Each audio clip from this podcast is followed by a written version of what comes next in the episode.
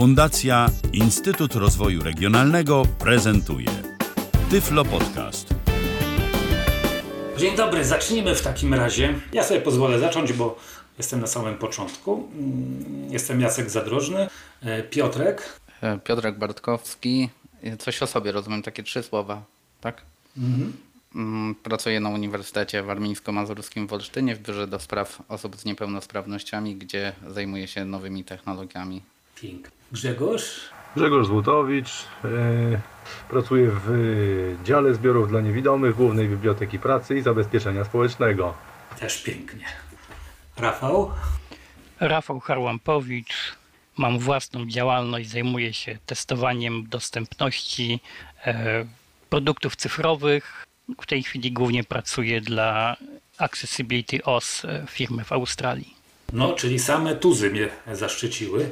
Tutaj e, ministerstwo, tutaj e, uczelnia wyższa, tu firma z Australii. No dobra. Mm, Wymyśliliśmy sobie temat, e, jakim jest system Navilens. Mamy z nim różne doświadczenia. Ja chyba mam najwięcej, mam wrażenie, a Rafał najmniej. Ale najpierw to może Wam pokażę w ogóle jako przykład. Włączę sobie, bo sobie nakleiłem taki kod. Kalendarz. Widget. Hey Siri. 27. Open Navilens. Navilens. Czytać. No tak, i właśnie teraz się nie chce, nie chce zadziałać. O, przepraszam, złapał. Te śmieszne dźwięki y, oznaczają, że nieskierowany jest, mm, był. Te, te. O. A jak tak robi, to znaczy, że jest. No i od razu podał też odległość. No więc to jest pojedynczy kod, jaki tam mam naklejony na drzwiach. I w styczniu tego roku mm, testowaliśmy takie rozwiązanie na, e, na zlecenie e, Zakładów Transportu Miejskiego w Warszawie. Oni by chcieli, żeby te kody mm, były naklejone na przykład na autobusy, żeby można było sobie zeskanować, co to jest y, za pojazd, żeby były na przystankach i, i tak dalej, i tak dalej. Z testów wyszło, że to chyba nie jest do końca rozwiązanie, ale same kody są e, po prostu no super, zakrawają czasami o magię. A Piotr, Piotr chyba widział najwcześniej to rozwiązanie, bo on był w Hiszpanii, byłem na w Hiszpankach Hiszpanii. i, y, i tam testowałeś, 2000, tak? w 2018 roku y, byłem na wolontariacie w Hiszpanii w Mursi, gdzie na nowej linii tramwajowej mm, na przystankach te kody zostały zamieszczone. Mm, Tam przystanki tramwajowe wyglądają w ten sposób, że jest zadaszenie i po jednej i po drugiej stronie przystanku są takie mm, dwa duże słupy i, i od strony wewnętrznej pod dachem na tych słupach zamieszczone e, są kody Navilens, dzięki czemu e, po prostu stojąc twarzą do takiego kodu i mm, szczytując go kamerą telefonu, jesteśmy w stanie rzeczywiście określić, co jest przed nami. Jak się obrócimy, to po prostu dostajemy inny komunikat, który też mówi nam, co jest przed nami realnie. Czyli my nie musimy ustalać swojej pozycji względem ustaw się tak, żebyś miał przystanek za plecami i wtedy po lewej ręce to będziesz miał to, a po prawej to. Tylko właśnie działa to mm, w oparciu o rzeczywistą, o rzeczywiste ustawienie użytkownika. I co więcej, to o tej magii, co chciałem powiedzieć, że od pewnego momentu nawet y, kamera nie musi widzieć kodu, żeby to nadal działało. Nie wiem, jak to jest zrobione. To jest y, niezwykłe, ale tak jest. To też na początku e, trzeba wspomnieć w ogóle, że do działania system wymaga połączenia internetowego, bo to jest e, taki must have, ponieważ każdy kod jest skorelowany z informacją w bazie danych. Po prostu my musimy mieć to połączenie informacje, żeby ten połączenie z internetem, żeby te informacje z tej bazy wyciągnąć za pośrednictwem tego kodu. Mm, tak, i faktycznie to wtedy było mm, też na tej zasadzie, że potrafiła aplikacja podać e, odległość od kodu, ale mm, na tamte czasy ja używałem iPhone'a 6s, urządzenie się niemiłosiernie grzało, bo tam jeszcze jest jakieś e, przetwarzanie faktycznie w oparciu o sztuczne, jakieś rozwiązania właśnie związane ze sztuczną inteligencją i to przetwarzanie jest w oparciu o tę sztuczną inteligencję mm, no, wdro, wdrożone jest to tak, że tutaj jakoś właśnie, tak jak Jacek mówi, nie musimy idealnie skierować, a, a i tak ten kod zostaje złapany i tak naprawdę e, z bardzo dużej, bardzo dużej odległości. Mm, Kod wielkości mm, około kartki A4, chyba z 12 metrów. O takiego. nie, nie, to chyba, że wtedy tak było, teraz to z prawie 20.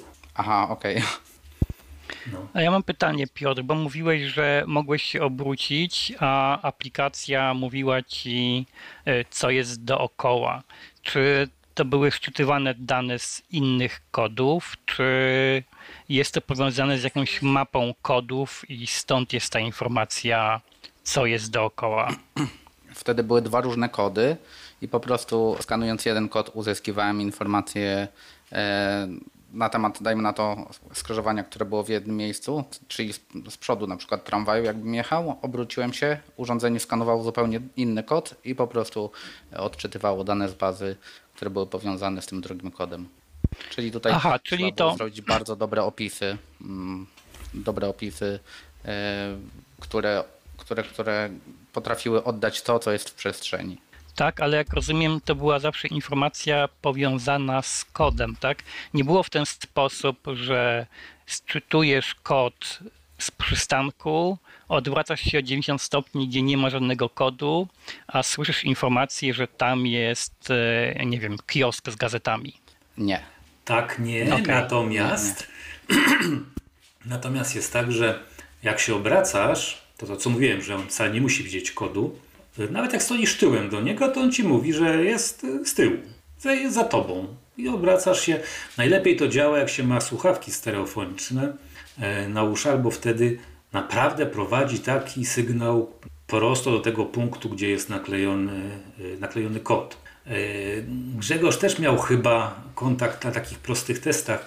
Ja na przykład byłem w stanie y, na słuchawkach trafić bezbłędnie paluchem w kod naklejony na ścianie. Naprawdę bezbłędnie. Nie wiem, Grzesiek, ty, Ja miałem próbowałeś? okazję w jakimś takim tak, pomieszczeniu testować, to takich, y, e, że tak powiem, y, zapewne aż takiej wielkiej wiary nie miałem w ten system i też mi się tak bardzo dobrze nie udawało. No, z dokładnością do 30 cm gdzieś tam doprowadzał pobliże, ale żeby tak paluchem od razu trafić, to mi się nie zdarzyło. Y, No inna sprawa, mm, używanie słuchawek stereofonicznych, nawet z przewodnictwem kostnym w przestrzeni jakiejś obcej, no to chyba, no może i komuś to działa, ja nie wiem, czy mi się odważył. Ale, y, ale rzeczywiście jakoś tam jest to, y, to naprowadzanie zrobione. To ja mam pytanie, bo z tego co mówicie na razie, to to jest po prostu beacon, tak? Taka boja. Yy, Dobrze zrobiony, ale beacon. E, Jakie informacje można kodować? Bo ja wiem, że to jest wykorzystywane bodajże w metrze w Nowym Jorku. E, Co, Jak tym zakodować możesz sobie co chcesz. Tak Nie, ma. może właśnie, bo zabrakło chyba kilku słów wprowadzenia. To się nie opiera na beaconach, w sensie bluetoothach jakichś dziwnych, albo przynajmniej w tej wersji, Słusznie. którą Nie opiera się to na kodach, które się e, drukuje na jakimś nośniku typu kartka albo pewnie jakieś inne rzeczy, jakieś plexi pewnie można też nanosić. No zasadniczo kartka, y, są to jakieś kody dwukolorowe, Nie, nie, nie. One są wielokolorowe. wielokolorowe, okej, nie Tak. są, ale okej, nie są to dwukolorowe jak w QR-kodzie, tylko wielokolorowe. Yy, I to w tym kodzie jakby cała ta magia, o której mówił Jacek, opiera się na, na to wykrywanie. No to, no to jest, yy, czyli to jest to teoretycznie tańsze w yy, wyprodukowaniu, bo wystarczy wydruk na kolorowej drukarce. No i też w utrzymaniu jest na pewno tańsze, dlatego że nie mamy obowiązku wymieniania baterii ani innego ogniwa, e, ogniwa zasilającego, ani do, dostarczania energii w ogóle elektrycznej. Znaczy To wiesz, jest no z na tym ten utrzymaniem, plus. że taniej to bym się nie zgodził, bo Mhm. e, żeby z tego korzystać, to trzeba płacić niestety e, abonament do A, tej no firmy Navilens. Mhm. Nie udało mi się dowiedzieć, ile ta przyjemność kosztuje, ale brzmiało tak trochę, że to nie jest rzecz tania. Ja przepraszam, tylko się wtrącę e, e, o tych beaconach. E, Mówiąc beacon, miałem na myśli to, że funkcja takiego, tak, takiego znaczka właściwie jest taka sama jak nadajnika Bluetooth, tak? Po Mhm. prostu trzeba złapać sygnał tutaj po prostu no, optyczny e, No nie, nie, i, Rafale, i kierujemy się. Mhm. Yy, niestety tak dobrze nie jest, znaczy tak, yy, tak źle na szczęście nie jest, bo on jednak jakoś tam jest świadomy umiejscowienia przestrzennego w przypadku Beacona. No to ja nie spotkałem systemu, który byłby w stanie naprowadzić nawet z dokładnością do 30 cm na O nie, Beacona, oczywiście. Albo, tak jak Jacek mówi, z dokładnością do palucha, yy, więc tutaj no to jest yy, no, jednak inna technologia. Technologia jest technologia, inna, ale oczywiście. Natomiast inna, inny też sposób działania, że można y, umiejscowić w miarę ba, nawet bardziej lub mniej precyzyjnie, ale bardzo, bardzo precyzyjnie można umiejscowić kod względem użytkownika. W przypadku Beacona no, można mówić o odległości, natomiast jakichś takich systemów, y, w których by on był w stanie podać y, ile w lewo, ile do przodu, to, to, to raczej chyba nie, nie spotkałem.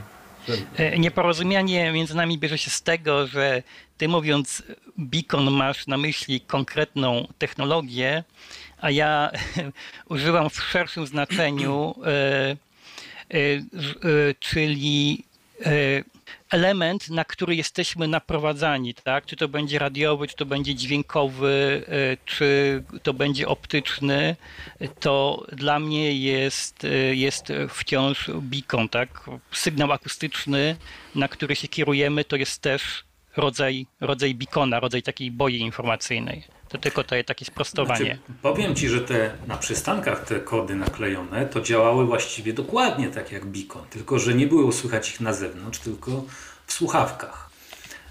Można było też mieć niestereofoniczne, wtedy się traciło trochę, znaczy trochę, dużo się bardzo trafiło, traciło na informacji, ale bez nich też się dało, bo takie specjalne tam są powymyślane dźwięki, żeby też się dało połapać.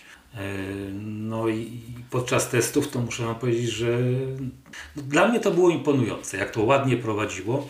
Oczywiście trzeba słyszeć na oba uszy, e, żeby mieć ten, tą, tą panoramę dźwięku, ale to tak trochę jakby się szło właśnie w kierunku dźwięku gdzieś tam ogłaszanego. Tyle, że to leciało w słuchawkach. Ale powiedzcie, jak z dodatkowymi informacjami, co tam właśnie, można, właśnie. z czym można to wiązać? Możesz wiązać z czym chcesz. Tutaj akurat, ponieważ to był ZTM, to spróbowano to powiązać z rozkładami jazdy e, i działało to w ten sposób, że e, jak zeskanowałeś już kod na przystanku, to wyświetlała Ci się lista e, autobusów. Mogłeś sobie kliknąć na któryś autobus i tam Cię informowało, o której przyjedzie. Na przykład to, ale to, był- to jest tylko przykład, bo tak naprawdę połączyć może, może z czymkolwiek, dlatego to, co Piotrek mówił, że musi być pod, po, zawsze pod internetem, no bo, no bo tak to działa niestety. Ale wiesz co, Piotrek, chyba nie zawsze musi być pod internetem, sobie tak teraz myślę, bo chyba te prywatne kody, to chyba można ich używać bez internetu. Prywat, tak, bo aplikacja faktycznie ma możliwość e, wyświetlania, tworzenia też e, kodów na własny użytek i wtedy są kody przechowywane lokalnie na naszym urządzeniu. Tak, No tak, tak. to prawda.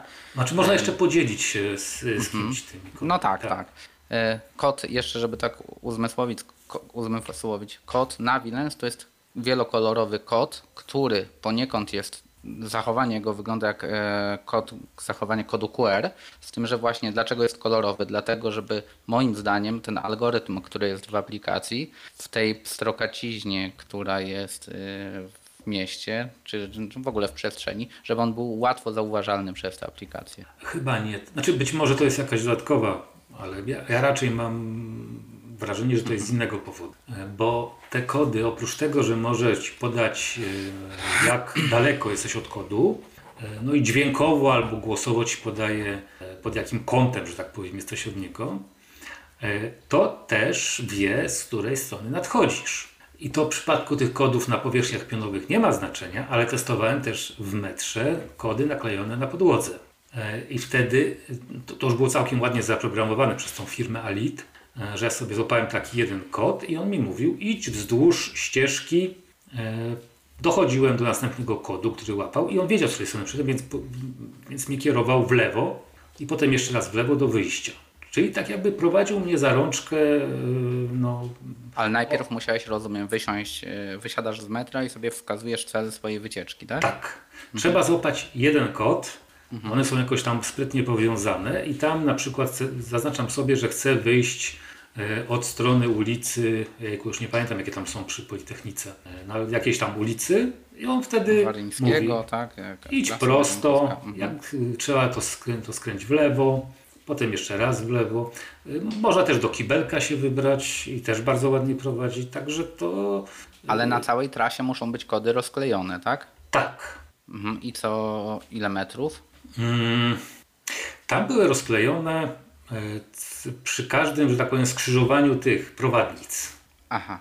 E, Nie wiem, ile to mogło być metrów. Myślę, że na, na najdłuższym kawałku to kilkanaście No tak, bo to zależy od metrów. Mhm. E, Jacku, przypomnij, jak duże są te kody? Różne. Bo w zależności od wielkości tych kodów, e, one są z różnej odległości odczytywane, ale też można ich do różnych rzeczy używać. Największe kody są chyba 25 na 25 cm, a najmniejsze są takie chyba 1,8 na 1,8 cm. Albo może jeszcze mniejsze. Malutkie są, naprawdę. E, I, i, i no te malutkie można wykorzystać na przykład do oznaczania różnych przedmiotów w domu, żeby je jakoś tam namierzać. No a te największe, no to, to na nie ciężko było znaleźć czasami miejsce tak naprawdę. Bo jak przystanek miał wiatę, to pal diabli, ale jak jeszcze były takie ze słupkiem przystanki, no to już nie było gdzie tego upchnąć. Też mam pytanie, czy ktoś testował to zimą? Właśnie to zimą testowaliśmy. To było w styczniu. Pamiętasz, że ja wtedy powiedziałem, że, a, że jakby nie, nie biorę się za tą umowę, co ty się w końcu wziąłeś. To właśnie Ale to, zima to była testować. ciepła tego roku. Zimno było zajebiście, muszę ci powiedzieć. Znaczy może to dlatego, że wiesz, jak się stoi na przystanku 40 Znaczy nie, no- minut, Nie wiem, no śniegu chyba nie mieliśmy. mieliśmy też. Też Mnie mieliśmy. zastanawia inna rzecz. W zimę jak w zimę, ale jak działa to po zmroku faktycznie? To jest dobre pytanie, bo to jest jedna z Bo największych wiecie, wad. to mi teraz do, do, do głowy przyszło. Tak, to jest jedna z największych wad tego systemu, że to musi być jednak jakoś oświetlone i to tak w miarę przyzwoicie, e, bo te kolory nie są bez powodu. Tam jest naprawdę dużo informacji zakodowanych, więc e, jeżeli jest niedoświetlone, to on tych kolorów może nie rozpoznać. E, Nawet Tomek, który tam w tym Alit koordynował te testy, e, kiedyś wydrukowali mu gdzieś takie e, kody i zły niebieski był użyty i już nie chciały działać. Także są wrażliwe na takie rzeczy. A, a gdzie widzisz ich wykorzystanie takie na co dzień, jeśli chodzi o przestrzeń publiczną? Nie, nie tylko przystanki, ale jak myślisz inne miejsca? Przede wszystkim w dużych obiektach y, zabudowanych, typu jakieś centra handlowe, jakieś, nie wiem, muzea. O, muzeum to byłoby rewelacyjne, bo w tym przecież można zaprogramować też ścieżkę do zwiedzania. Można... A jeszcze jedna rzecz, żeby też było e, to powiedziane, to nie jest system tylko dla osób niewidomych.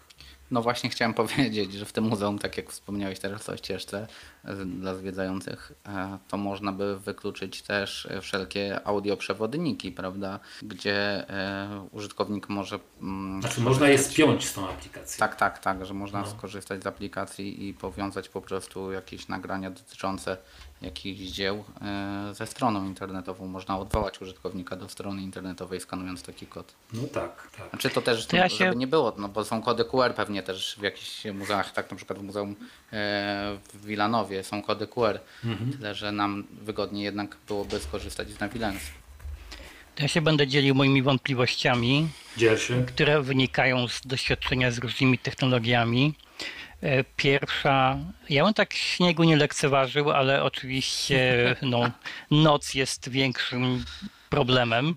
E, To jest jedna rzecz. E, Druga rzecz, budynki, tak, to ty Jacek mówiłeś o budynkach, dużych budynkach.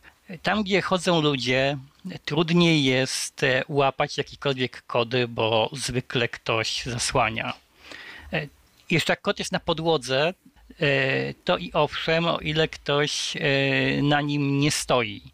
Na ścianach e, ja bym, ja, tu ja to w tej chwili widzę słabo. Ciekaw jestem, jak, jak to jest rozwiązane. Właśnie dlatego mówię, że to wewnątrz, bo na zewnątrz moim zdaniem to się nie sprawdzi. Dobrze, że to było testowane w zimie, chociaż zmarzłem.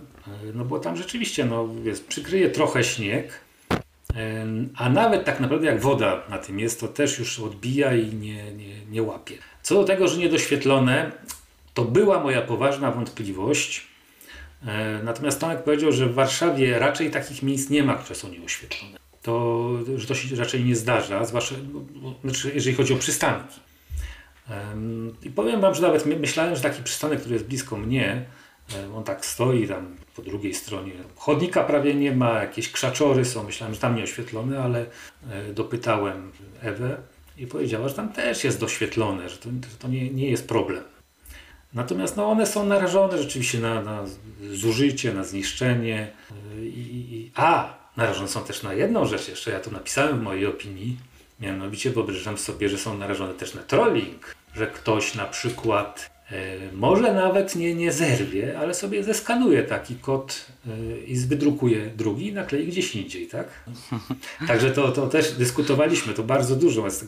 Natomiast To co do tego, co ty masz. Rafale, wątpliwości, y, tam jest właśnie ta magia, o której ci mówiłem i, i za, to, że nie zawsze widać kod, ma stosunkowo niewielkie znaczenie, bo wystarczy, że złapiesz jeden, jak to jest dobrze zaprojektowane, to potem już go nawet nie musisz widzieć, żeby sobie dalej y, radzić z tą aplikacją. Mm, Tam jest taka funkcja też, nie wiem, czy ktoś z Was używał aplikacji Clef, Tak, ja testowałem, używałem. no, to tam teraz, wtedy nie było chyba tego, Piotrek, jeszcze jak ty to To testowałeś. jest taka nowa rzecz. aplikacja, żeby jeszcze wyjaśnić, e, która pozwala nam na mm, zeskanowanie, zrobienie jakby takiego filmu z naszej drogi przejścia z punktu A do punktu B w przestrzeni zamkniętej i później możemy po tej drodze wrócić. I aplikacja podaje nam wskazówki skręć w lewo, skręć w prawo. Tylko, że jak ja ją testowałem, to ona działała no, słabo. Chyba, że też y, no, troszkę może zależeć od telefonu, od urządzenia, bo ja akurat korzystam z czteroletniego iPhone'a już, to może ten wynik też nie był re- rewelacyjny. Jeszcze tutaj wtrącę, bo właśnie wydaje mi się, że te system tych kodów, tak, Navilens, że to może być świetne wspomaganie dla e, rozpoznawania obrazu i generalnie orientacji w przestrzeni przez różne aplikacje. Bo to trochę też służy, jak rozumiem, jako taka kalibracja, tak, że można coś o, oznaczyć i e, aplikacja może się szybko zorientować dzięki takiemu kodowi, gdzie jesteśmy. No to, to właśnie teraz bym chciał Ci powiedzieć o tej drugim kawałku, tym podobnym właśnie do kle. Otóż można sobie było nagrać ścieżkę. Ja akurat to sprawdzałem e, w budynku, w takim biurowcu. E, Jak się złapało kod, em, taki przy drzwiach, to wyświetlały się pozycje, e, dokąd bym chciał dojść. Ja akurat chciałem do łazienki i w tym momencie on przechodził taki tryb właśnie trochę jak klep, czyli tam informował mnie tak samo tymi stereofonicznymi e, dźwiękami, gdzie skręcać, gdzie, gdzie iść prosto i tak dalej, i tak dalej. I to rzeczywiście doprowadzało. E, I po drodze nie było już tych kodów. To już działało tak samoistnie. Natomiast e, co jakiś czas można takie kody rozmieszczać dodatkowo, żeby one no właśnie kalibrowały to, żeby jakby się upewniały, że tak, do, dobrze idziesz. Nie, nie Tak, działało ale bardzo mówił, mówiłeś, że po drodze nie było kodów. Czy musiałeś trzymać telefon w ręku i, i łapać obraz z kamery, Tak. czy po prostu... Aha, okej, czyli on coś próbował jeszcze rozpoznawać. Czy, czy nie wiesz, czy on rozpoznawał, Nie, czy po on- prostu... sz- No, rozpoznawał obraz moim zdaniem, no bo to ja szczerze mówiąc nie wiem, jak bym mógł na to było inaczej zrobić. No mógł na przykład y, używać tych systemów do y, y, określania orientacji smartfona. Nie wiem, wiem, że działało. Mhm. Znaczy działało tak sobie, może, może to jeszcze kwestia była tego, jak że ci ludzie, którzy to e, robili te testy, e, być może nie do końca wszystko umieli zrobić, y, bardzo ładnie prowadziło do łazienki. Ale te punkty, takie checkpointy po drodze, bywało, że były y, w ścianach. Ale jak się nie zaliczyło tego punktu, to nie, to nie, nie przełączał się na następny. Ale to no, jakoś sobie radziłem. Przytulałem się do ściany i w ten sposób udawałem, że jestem przy tym kodzie. Aha, czy, czy, no tak, czyli takie znaczniki kalibrujące by się przydawały. Jak Przydawałoby się, ale być może też była nie do końca dobrze nagrana ta ścieżka. Tak sobie A, to bo rozumiem, że wy ją odtwarzaliście, czy jak to było? Tak. Wy nagra, czy wy nagrywaliście? Ta dziewczyna, która tam była właśnie, y, nagrała tą ścieżkę y, Aha.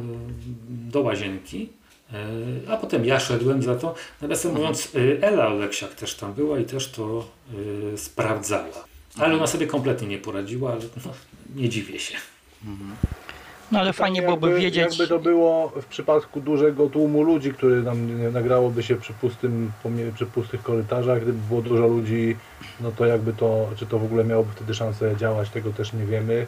Raczej można domniemywać, że ten obraz już byłby na tyle inny, że może niekoniecznie. Nie, nie, nie, na otwarte przestrzenie to moim zdaniem się nie nadaje, bo to do tego są potrzebne jednak pewne szczegóły. Ja tam Znaczy, ja, mówię, po ja mówię w budynku, ja mówię Znaczy- w budynku y, w przypadku większej ilości ludzi, użytkowników, nie wiem, zatłoczonych bardziej, Mhm. no bo To- nagrywane było y, gdzieś tam powiedzmy w warunkach i testowane też było w warunkach y, laboratoryjnych, że tak powiem, czyli przy niewielkiej liczbie osób albo praktycznie y, bez, bez y, tłumu użytkowników, a taki dzień roboczy gdzieś tam w jakimś urzędzie czy, czy gdziekolwiek już mogłoby się okazać, że to po prostu nie, nie pykło, bo jest za dużo ludzi.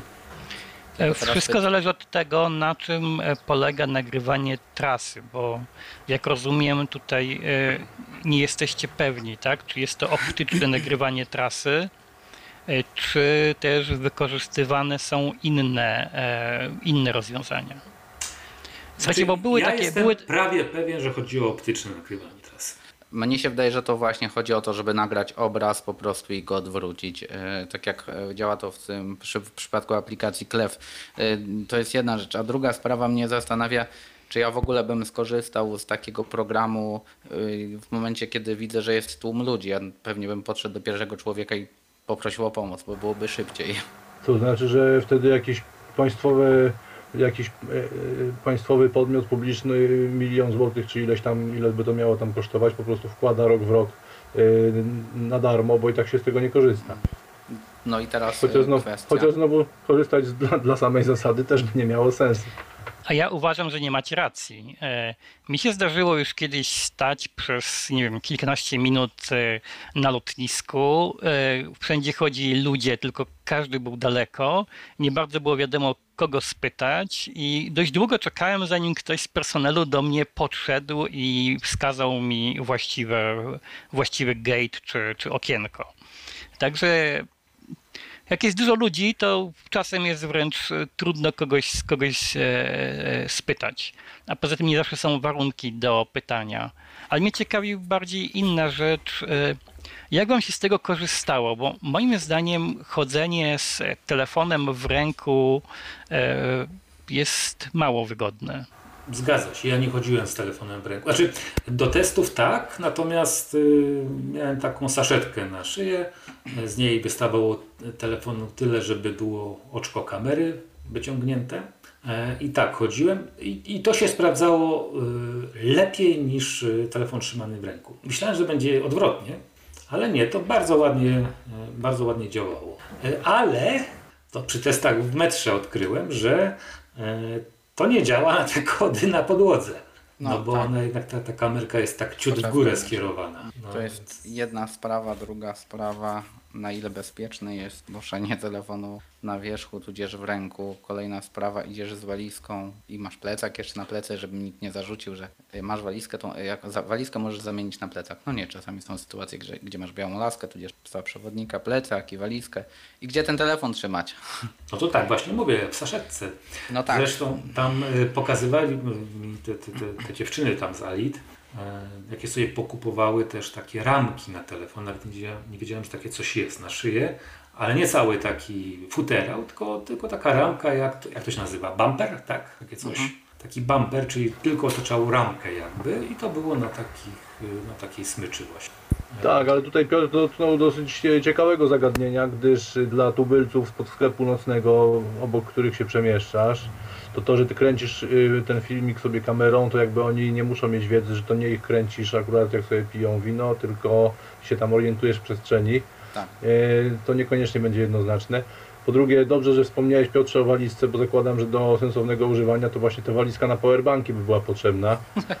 Oj bo tak, wiadomo, niestety. że prądu to będzie pożerać dużo, więc y, to jest kolejny, mm, kolejny taki właśnie problem, ale no, tego używania y, kamery w telefonie jako protezy oka, no to ja bym tutaj tych y, reakcji społecznych bardziej się obawiał, i jak, że korzystam w minimalnym stopniu y, w Tak. terenie z jakichś y, rozpoznawania tekstu czy coś. Czasami się to rzeczywiście sprawdza, no ale dużo nie poszalejesz, bo wiadomo, że ci szybko się bateria czerpie, więc bez szaleństw. Tak, to też A jak szybko, testów. jak szybko łapany jest kod? Wiesz co, yy, powiem Ci, że oni się chwalą, że to jest 0,3 e, sekundy. Może, nie wiem. Na początku Jacek prezentował, zajęło mu to tam gdzieś 10 sekund i złapało, no. Złodziej Nie, bo ja myślę o takiej Poczekaj, sytuacji, jeszcze raz e, sprawdzę. Okej. Hej Siri, open Navilens. Y, Dodajmy, że w przestrzeni własnej, domowej pewnie, czy gdzieś jakiejś wcześniej sobie przygotowanej. Raz, cztery. Nie, nie, nie, nie, bardzo szybko złapał. Grzesiek, jesteś złośliwy. Oczywiście, że jest. To wszyscy, to wszyscy wiedzą, dlatego mnie chyba Jacek zaprosił. Okej, to mam takie pytanie. Które ze znanych e, nam rozwiązań w tej chwili jest najbardziej dla nas pożyteczny jako użytkowników? E, Słuchaj, bo ja chciałem jeszcze wrócić do, do jednej Aha. rzeczy, mogę? E, Bo pytałem o tą prędkość rozpoznawania kodów. Ja chodziłem kiedyś z takim urządzeniem z Politechniki Łódzkiej, gdzie właśnie była kamerka noszona na piersi. E, To było odrębne urządzenie, ale nosiło się w podobny sposób do tego, jak ty, Jacek, nosiłeś e, iPhone'a. I tam były, jeden z problemów to był taki, że jak szedłem dość szybko, to ta kamerka mi się obijała o pierś i właściwie moja partnerka, która widziała obraz tej kamery, no mówiła, że ten obraz bardzo skakał, więc musiałem iść tak dość wolno, żeby, żeby ten obraz z kamery był widoczny.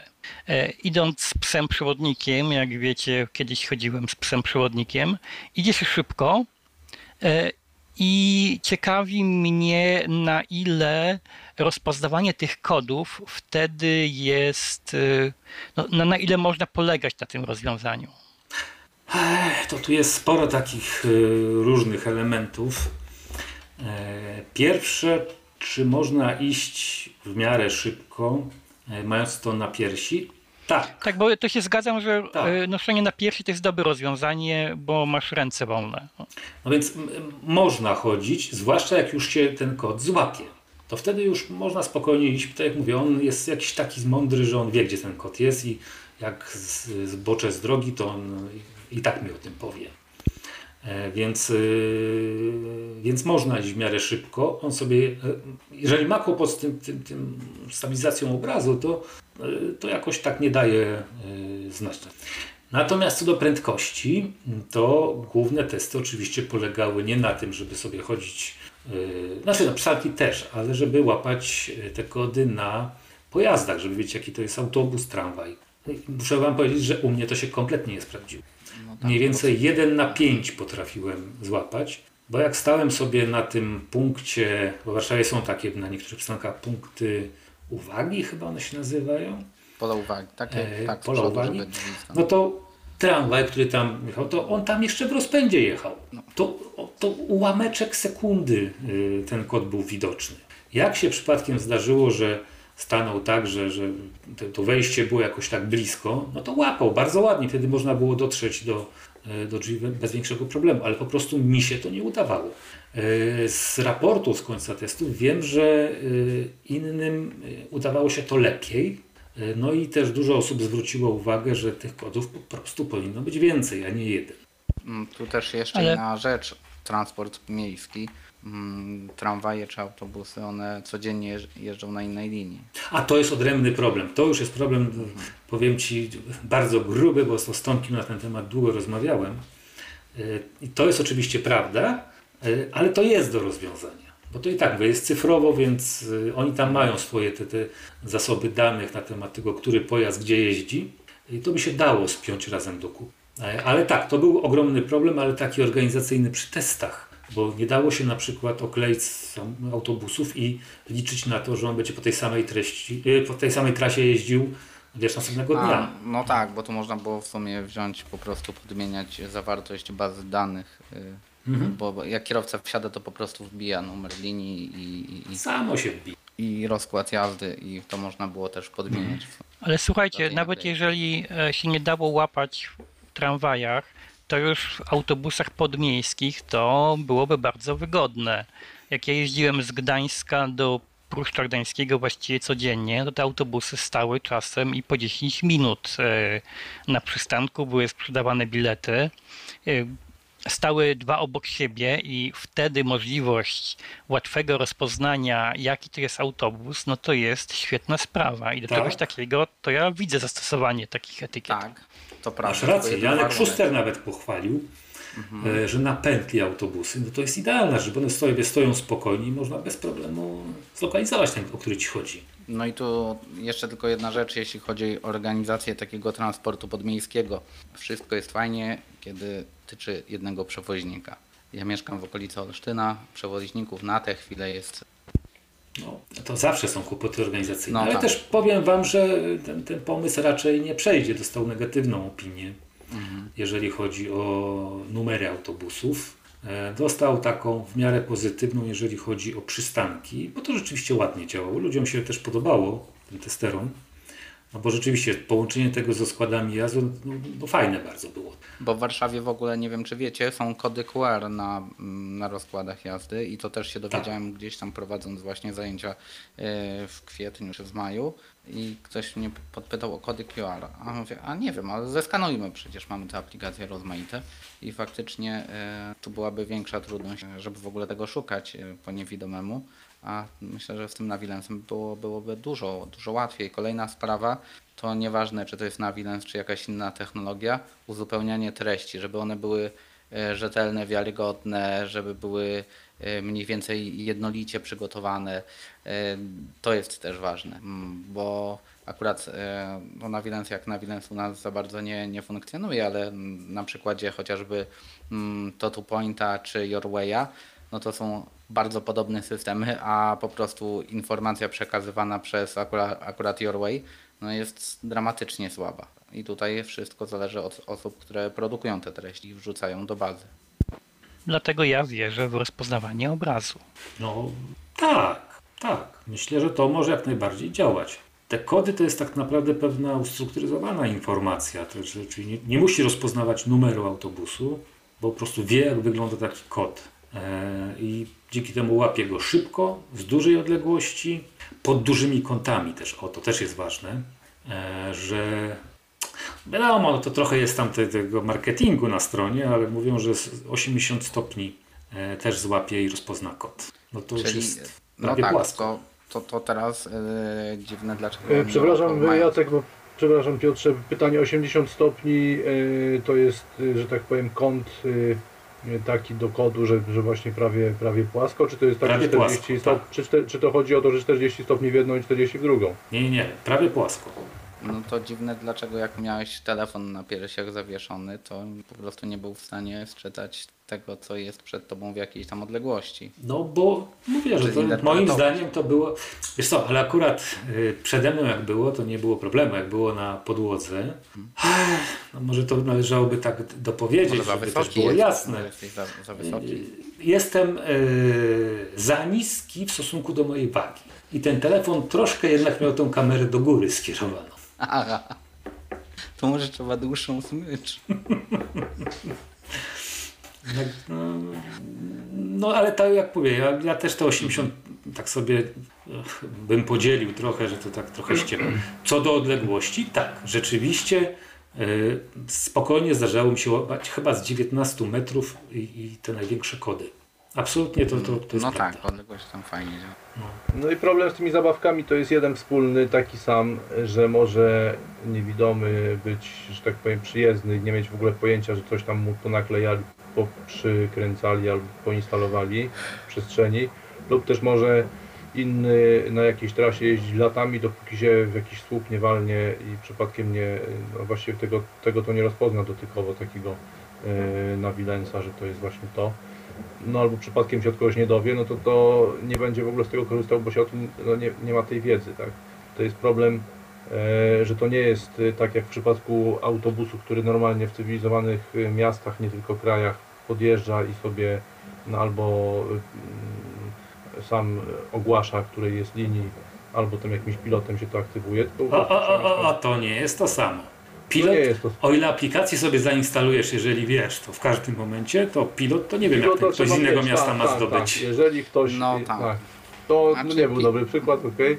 No No ale to- w przypadku, nie wiem, świateł, chociaż to też nie jest dobre, że one cały czas piszczą, no to jest, no to są te właśnie takie trudne... No są takie rozbieżności i faktycznie ta wiedza o tym, że jakieś rozwiązanie jest w jednym mieście, w drugim go nie ma, w trzecim jest inne, bardzo podobne, e, no ona jest chyba mało propagowana, ale to też jest em, trochę sprawka tego, że to są bardzo podobne systemy, które, no, no tutaj akurat mam na myśli znowu to Point i Your Way, e, bardzo podobne systemy, w podobnych, zamknięte w podobnych opakowaniach, tyle że nie otwarte na zewnętrzną aplikację, tak? Bo, bo aplikacje do nawigacji typu Blind Square, Blind Square czy Lazario na tę chwilę mają możliwość wyzwalania e, bluetooth, bluetoothowych m, tych beaconów.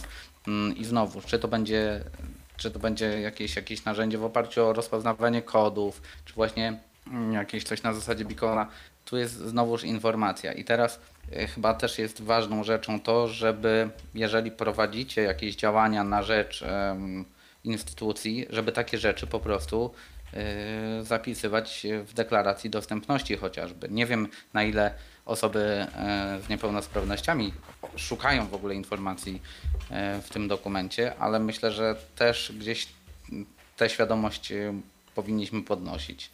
Bo tam też jest czasami wiele ciekawych rzeczy. Jeżeli jest dobrze jest zrobiony opis architektoniczny, to też jest wiele ciekawych rzeczy ujętych. A, to widziałeś nasz generator deklaracji dostępności?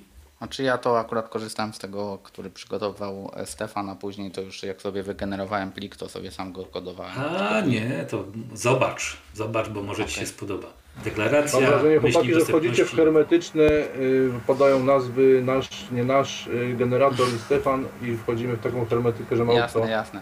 To samo chciałem powiedzieć. ze mną się, się połapie. Także myślę, dobrze. że no, powinno pojawić się gdzieś miejsce, m, gdzieś w sieci, czy gdzie bądź, gdzieś w mediach, y, powinna taka informacja zaistnieć, że takie pomoce są i że zainteresowani mogą z nich skorzystać. Wiecie, jaki jest problem? Że wszyscy szukają jednego rozwiązania, a to moim zdaniem jest y, nieskuteczne. Bo to też podczas testów no to wyszło ewidentnie, że mówiący autobus jest najlepszym rozwiązaniem e, dla osób niewidomych. I żadne kody, bikony inne tego nie zastąpią. Bo to jest bezobsługowe, to wiadomo zawsze jak działa, to, że to jest najlepsze. No ale do innych rzeczy już się nie nadaje.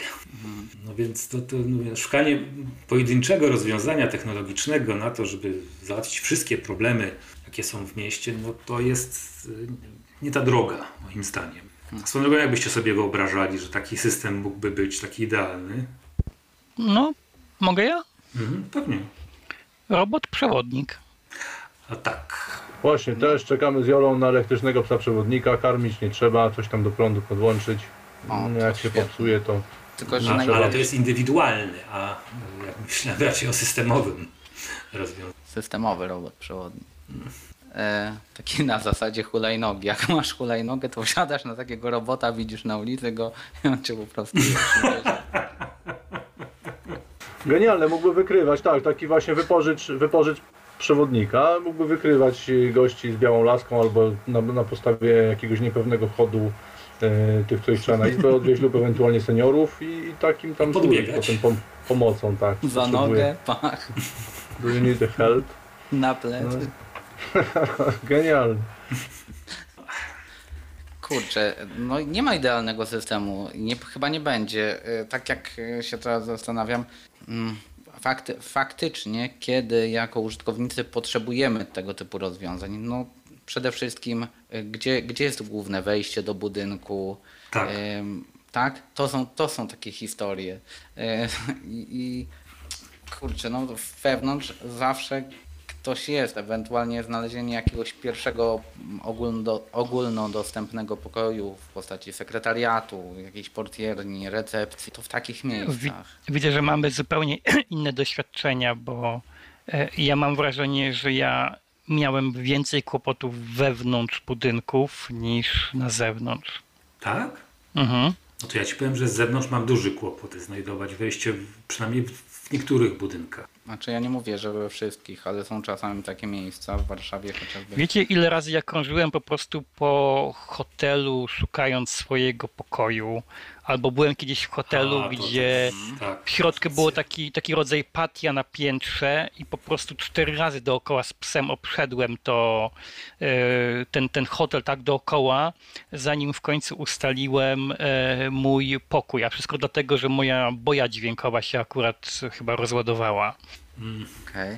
No więc ja pamiętam z kolei jak Krzysiek, yy, Krzysiek, o masz ty, moja skleroza. Yy, to nie będę stawiał na razie, że Krzysiek też tak krążył po, po hotelu i podobno krążył tak dwie godziny, zanim znalazł. Zresztą byłem w takich hotelach, które no, no na przykład yy, w Pradze byłem w takim hotelu porobotniczym, w którym było 3000 miejsc do spania. To było to po prostu gigantyczne, kilka klatek schodowych, y, wiele pięter, no, no masakra, w życiu bym się tam sam nie odnalazł. Naprawdę. Albo możesz mieć jakiś stary budynek, takie też są, gdzie masz mnóstwo zakrętów, jakieś schody, półpiętra e, i też się bardzo trudno w czymś takim zorientować. Także ja tutaj, e, tak samo w urzędach, jeżeli, e, czy nie wiem, uczelnie, tak, jeżeli nikogo nie ma na portierni, albo nawet on no, portier ci nie będzie prowadził prawdopodobnie na drugie piętro do jakiegoś tam gabinetu, tak, więc to te problemy są. No, znaczy, ja sobie wyobrażam, że te kody mogłyby się pięknie e, właśnie odnaleźć, żeby się orientować w takich większych przestrzeniach. Na przykład, nie wiem, wchodzi się e, do lobby hotelowego, to można sobie znaleźć, gdzie jest recepcja. Szybko recepcję, co tak. Na przykład. Albo windę. I tego typu Tak. rzeczy.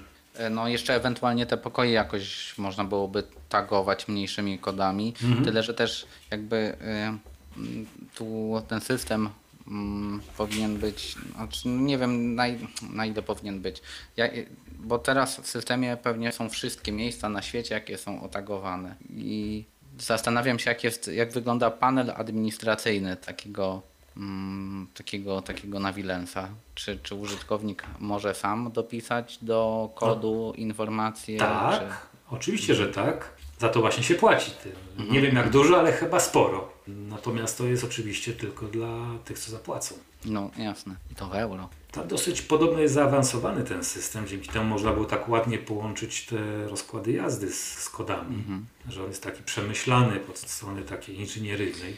E, mhm. Na YouTube jest taki film, e, na którym dziewczyna pokazuje, ale no widzicie, to jest Hiszpania, gdzie praktycznie nigdy się śnieg nie zdarza. E, I te kody są mm, zawieszone na zewnątrz budynków, w okolicy sklepów. Mm, I ona idzie, skanuje kolejne miejsca e, smartfonem i ta aplikacja je odczytuje. A tu takie miejsce, tu taki sklep, tu taki sklep. E, No tak, tylko że tam jest właśnie i duże nasłonecznienie i Pytanie, ile metrów chodnika mają w ten sposób oskanowane, znaczy otagowane? Nie, nie, to, to, Nie, to pewnie są drzwi. To, to jest na, na słupach, wiesz? A, no, nie, ja rozumiem, tylko chodzi mi o to, na jakim to jest obszarze, no bo tam ten film na YouTubie pewnie trwa No, minutę. no jasne, to wiesz, no reklama Można gdzieś jakieś... A ja sobie wciąż słabo wyobrażam e, chodzenie z e, komórką w ręku po takim zatłoczonym hiszpańskim chodniku. Wiesz co, bo znowu wracamy do tego, bo nie ma jednego rozwiązania. Ja sobie zawsze tą poruszanie się dzielę na takie trzy kategorie, czyli y, duża mobilność, średnia i mała. No, tak. Tą dużą no są... GPS, gdyby, gdyby, gdyby GPS No więc GPS na tą średnią jest najlepszy. Idziesz sobie, masz słucha, słuchawkę w uchu tak, i on ci mówi, że tam jeszcze ileś tam metrów, tak, tak, kilometrów tak. i I tak dopiero dalej. Przełączasz się na Tak. aplikację, kiedy słyszysz, że masz te 30, Tak. 40, 20 metrów, tak? Bo Albo ta nawet, że jesteś pod budynkiem, teraz już tylko no, szukasz wejścia. taki, No, i gdzie wtedy Tak, ale gdyby ta dokładność była do metra albo nawet do pół, no to w zasadzie by się te problemy rozwiązały. No, I no, no ale nie ma takiej. no, No nie, nie, ma. Nie rozwiązałyby chociaż- się. nie rozwiązałyby się, bo, bo, bo tutaj chodzi o, o to chociażby jak oznaczyć adres, y, czy na początku budynku, a gdzie jest początek budynku, a gdzie jest środek budynku, tak, bo to jest... Ale nie, nie, Nie, no, nie, nie, nie, budynek poczekaj. jako obszar i wejście do budynku jako punkt, no to to jest już Znaczy, na no chyba, tak. Ale nie, słuchajcie, tacy problem jest trochę inny. No, GPS, nawet jak masz dokładność pół metra, to on cię doprowadzi na te pół metra. Czy taka do, dokładność to w ogóle to jest to, e, ciekawe, czy kiedyś będzie do uzyskania. E, ale potem i tak trzeba znaleźć e, to, gdzie się chce wejść, i to wcale nie jest takie oczywiste. I to o to chodzi właśnie. No Na OpenStreetMaps już są od wejścia, do 80 budynku. w wielu, w wielu przypadkach, tak. Na czym? Na czym? E, Na OpenStreetMaps. OpenStreet. Ale tak czy inaczej, łatwiej byłoby znaleźć mając taki kod i on by tak już po sznureczku doprowadził, albo beacon taki gadający, y, no, niż, niż GPS-em, bo on do tego się... Okej, tylko specjalnie- tutaj problem, problem jest y, taki, że trzeba jakąś infrastrukturę specjalnie instalować w przypadku właśnie tych różnych udogodnień No tak. bikonowo-chodowych Y, i to będzie zawsze drogie i to będzie nie, nieefektywne w sensie jakby przeliczeniu na użytkownika. Y, Ale też rzeczywiście dopóki się ta, te chipsety, ta dokładność namierzania nie poprawi, no to... Ale to słuchaj, to jeszcze to- raz. ale słuchajcie, nie zgodzę ja się z To, ja wami. to powiedziałem, to nie jest tylko dla osób niewidomych. To jest tak, że co prawda jest druga aplikacja do tych samych kodów, ona się nazywa y, Navilence Go, ale na tych samych kodach pracuje i tam mając te ścieżki na przykład, strzałeczka pokazuje, jak na samochodowym GPS-ie, w którą stronę iść. Dlatego mówiłem o muzeum, że tam można też sobie ustawić taką ścieżkę do zwiedzania. I Albo każdy może z tego korzystać. Albo w sklepie, y, w galerii handlowej też to Tak. było w sumie świetne rozwiązanie. Czasami kurczę, pomyślcie sobie, mm, nie wiem, czy zdarza wam się nawet z osobami widzącymi, czy samemu chodzić, ale po prostu niby jest mapa, jest ekran z mapą, no i co z tego, jak kurczę, gdzieś tam się zakręcisz i cholera, no jest problem z dojściem do Tak jest. sklepu, do którego chcesz, nie? Ale jeszcze wracając do GPS-u, to wyobraźcie sobie rozwiązanie, gdzie GPS ma dokładność powiedzmy, nie wiem, 15 metrów e, i z tych 15 metrów ja mogę sobie zeskanować przestrzeń tak, i oznaczyć wejście samodzielnie, bez żadnego znaku. I wtedy jak jestem w tej okolicy, aplikacja sama rozpoznaje, gdzie jest to wejście i już mnie kieruje e, precyzyjnie do drzwi. Ale na, y, to oznaczyć, rozumiem, przestrzeń poprzez zrobienie zdjęcia. Tak. Takie rozwiązanie mi się wydaje, że to jest, że to jest do zrobienia. e, I e, no bo chcę, ten, nawiązuję teraz do tego, co mówił, co mówił Grzesiek o GPS-ie. Tak, że tej, z pewnej odległości, jeżeli mamy już zawężoną bazę tych danych, czy bazę obrazów, aplikacja, która ma dane z GPS-a o lokalizacji, czyli wie, gdzie jest, to już ilość tych obrazów do rozpoznania czy do porównania nie jest taka duża. To prawda. I to by było rozwiązanie bardziej uniwersalne. No tak. Choć zastanawiam się znowu, jak to kolega złośliwy mówił o tej walizce na, na, na, na powerbanki. Czy jeszcze bardziej, czy jeszcze większej walizki należało wtedy zabrać? Nie. Mówi, Bo rozpoznawanie Mobilny- konkretnego, mobilny reak- kodu, a rozpoznawanie po prostu przestrzeni, to jednak są dwie Nie, rzeczy. nie, Jacek, ponieważ ja całą drogę mogę przejść na GPS-ie, a kamerę sobie włączę na tę ostatnią minutę, gdy potrzebuję e, precyzyjnej, e, precyzyjnej nawigacji. Tak? Albo nie wiem, dochodzę do przystanku tramwajowego, jeżeli mam aplikację, która jest, y, ma dostęp do rozkładu jazdy i jest w stanie zawęzić e, ilość e, możliwych pojazdów, które mogą się pojawić na przystanku w danym czasie, to też można by zwiększyć e, jakość rozpoznawania, choćby numerów i takich rzeczy. Choć tutaj akurat przydałyby się takie kody, które by dopracowywały, no jeszcze bardziej zwiększałyby dokładność e, No, rozpoznawania. Znaczy, ja tylko podam standardowy mój przykład autobusu 115 i przystanku, z którego odjeżdżają w dwie strony autobusy linii 115. Aha, Jeden do Rembertowa, a drugi do Wawra. okej. Tylko problem jest jeszcze jeden z rozpoznawaniem tekstu z wyświetlaczy, bo tutaj akurat dzisiaj to są wyświetlacze, nie kartonowe tablice. E, Jeżeli słońce pada na wyświetlacz, to się raczej nic nie odczyta. Ale wiesz co, Piotrek, nie wiem jak jest w Olsztynie, ale w Warszawie na przykład są numery boczne autobusów. To pewnie by się dało, tak jak Rafał to mówi. Tylko, że y, wiecie, bo co nam jest potrzebne? Pewna taka dość duża doza pewności tego systemu. No tak. A to ja nie mam poczucia, że dałoby mi taką pewność, żebym zaufał, na przykład wsiadł do autobusu. Chyba nie. Nie, ale e, to ja tak mówię o swoich doświadczeniach z jeżdżenia do, do Pruszcza. Jeżeli jakieś też testowałem aplikacje do rozpoznawania numerów autobusów, wtedy taka no powiedzmy, dokładność była, nie wiem, 60%, czyli tak sobie. Ale jeżeli masz dwa albo trzy autobusy, które stoją na przystanku i wiesz, że stoją przez ileś minut, e, to jeżeli możesz rozpoznać numer, nawet jeżeli wiesz, że jest pewne ryzyko błędu, to przynajmniej wiesz, że warto ci podejść do tego autobusu i spytać. Wiecie Zawsze co? warto podejść i spytać. Znaczy, Nie, ja- nie musisz chodzić od autobusu do autobusu i po kolei pytać, jaki to numer. To jest oczywiście kwestia, no, Trochę taki osobowości, tak? abstrakcyjny przypadek Ja- chyba wymyśliłeś ja- moim ja- zdaniem. Nie, to, jest, to, są to są przypadki z mojego, z mojego życia. Ja akurat nie lubię podchodzić i pytać, jaki to jest numer. e, Jak muszę, to, to robię, ale no nieraz byłem w takiej sytuacji, że zastanawiałem się, czy ten pojazd, który stoi przede mną i słyszę jego silnik, czy to jest autobus, czy to jest bus, bo wiedziałem, że do busa nie warto im podchodzić, a do autobusu i owszem. Co ja ci mogę powiedzieć na to? Ja, ja, ja nie, no, teraz też mam takie sytuacje, ale one są tak rzadkie, że ja, ja nie wiem, czy bym potrzebował aż tak. Ja Czy mam teraz autobusy, jeżdżę- co przyje, przejeżdżają. Ale widzisz, ja to miałem codziennie. e, Rozumiem.